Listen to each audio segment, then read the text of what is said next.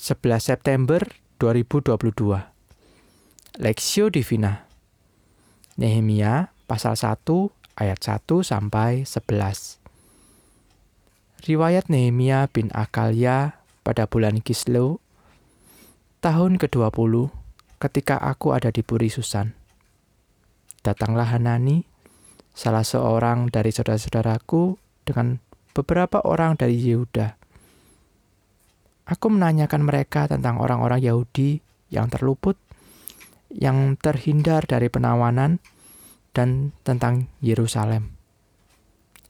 Kata mereka kepadaku, orang-orang yang masih tinggal di daerah sana, yang terhindar dari penawanan, ada dalam kesukaran besar dan dalam keadaan tercelah tembok Yerusalem telah terbongkar dan pintu-pintu gerbangnya telah terbakar. Ketika aku dengar berita ini, duduklah aku menangis dan berkabung selama beberapa hari. Aku berpuasa dan berdoa di hadirat Allah semesta langit. Kataku, Ya Tuhan, Allah semesta langit, Allah yang maha besar dan dahsyat, yang berpegang pada perjanjian dan kasih setianya terhadap orang yang kasih kepadanya. Dan tetap mengikuti perintah-perintahnya. Berilah telingamu dan dengarkanlah doa hambamu yang sekarang kupanjatkan ke hadiratmu siang dan malam bagi orang Israel. Hamba-hambamu itu dengan mengaku segala dosa yang kami orang Israel telah lakukan terhadapmu jika aku dan kaum keluargaku telah berbuat dosa,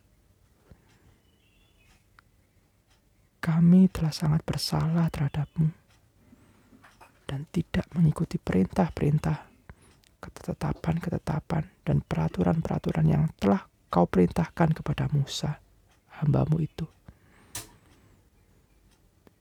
Ingatlah akan firman yang kau pesan kepada Musa, hambamu itu, yakni Bila kamu berubah setia, kamu akan kucerai beraikan di antara bangsa-bangsa. Tetapi bila kamu berbalik kepadaku dan tetap mengikuti perintah-perintahku serta melakukannya, maka sekalipun orang-orang buangan ada di ujung langit, akan kukumpulkan mereka kembali dan kubawa ke tempat yang telah kupilih untuk membuat namaku diam di sana.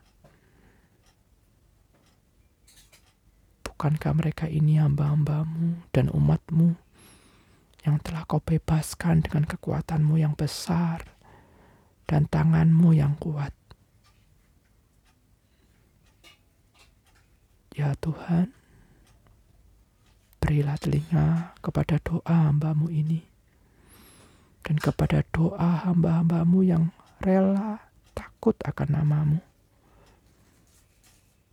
Dan biarlah hambamu berhasil hari ini dan mendapat belas kasihan dari orang ini.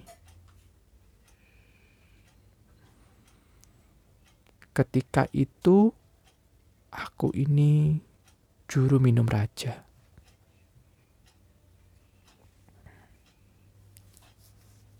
Doa Nehemia Perspektif Ya Tuhan, berilah telinga kepada doa hambamu ini, dan kepada doa hamba-hambamu yang rela takut akan namamu. Dan biarlah hambamu berhasil hari ini, dan mendapat belas kasihan dari orang ini. Ketika itu, aku ini juru minum raja. Nehemia pasal 1 ayat 11. Kesadaran Nehemia untuk berdoa dan berpuasa kepada Tuhan dikarenakan berita yang ia dengar dari saudaranya tentang kondisi negeri Yehuda, baik secara fisik, spiritual, dan kehidupan rakyatnya yang menyedihkan. Hal ini menimbulkan keprihatinan Nehemia, sehingga tidak ada respons lain selain datang berdoa kepada Tuhan. Dalam doanya, Nehemia menyatakan, siapa Allah mereka berdasarkan firman Tuhan dan bagaimana umat Tuhan harus berespon kepada Tuhan dalam situasi tersebut berdasarkan firman Tuhan. Hal pertama yang keluar dari mulut Nehemia adalah satu pengakuan terhadap pribadi Allah. Ya Tuhan Allah semesta langit, Allah yang maha besar dan dahsyat yang berpegang pada perjanjian dan kasih setianya terhadap orang yang kasih kepadanya dan tetap mengikuti perintah-perintahnya. Ayat 5 Hal ini tentu tidak asing bagi kita. Kebenaran pribadi Allah yang besar dan setia yang dapat dipercayai dan tidak berubah Inilah yang mendorong umatnya datang kepada Allah setiap waktu dan kondisi. Bila Allah kita adalah Allah yang suka berubah atau mengandalkan mood sebagaimana sifat manusia, tentu celakalah kita. Kita akan datang dengan perasaan takut, kita merasa terancam dan tidak tenang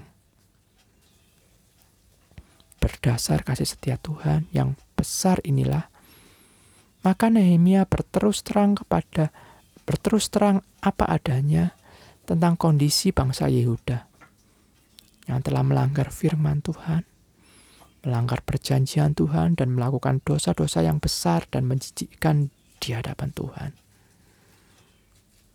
Oleh sebab itu, mereka menjadi bangsa buangan tertawan bangsa asing dan terhina.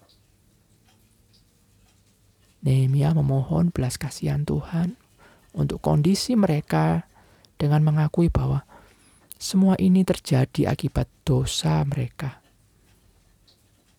Dari kesadaran inilah, Nehemia di bagian akhir doanya memohon pemulihan Tuhan. Dia sadar betul bahwa tidak mungkin mengandalkan diri mereka sendiri untuk bisa berbalik pulih. Nehemia juga menyebut janji pemulihan Tuhan atas mereka. Bukan karena Tuhan lupa, melainkan Nehemia memohon belas kasihan agar Tuhan mengingat janji-janjinya atas umatnya. Studi pribadi, tiga langkah pemulihan dosa, pengakuan kebesaran Allah, pengakuan dosa, penyesalan, dan tanggung jawab, memohon pemulihan Tuhan, dan ingat janji-janji Tuhan. Pokok doa, doakan saudara-saudara seiman agar memiliki hati yang terbuka dan jujur di hadapan Tuhan ketika datang dalam doa kepadanya.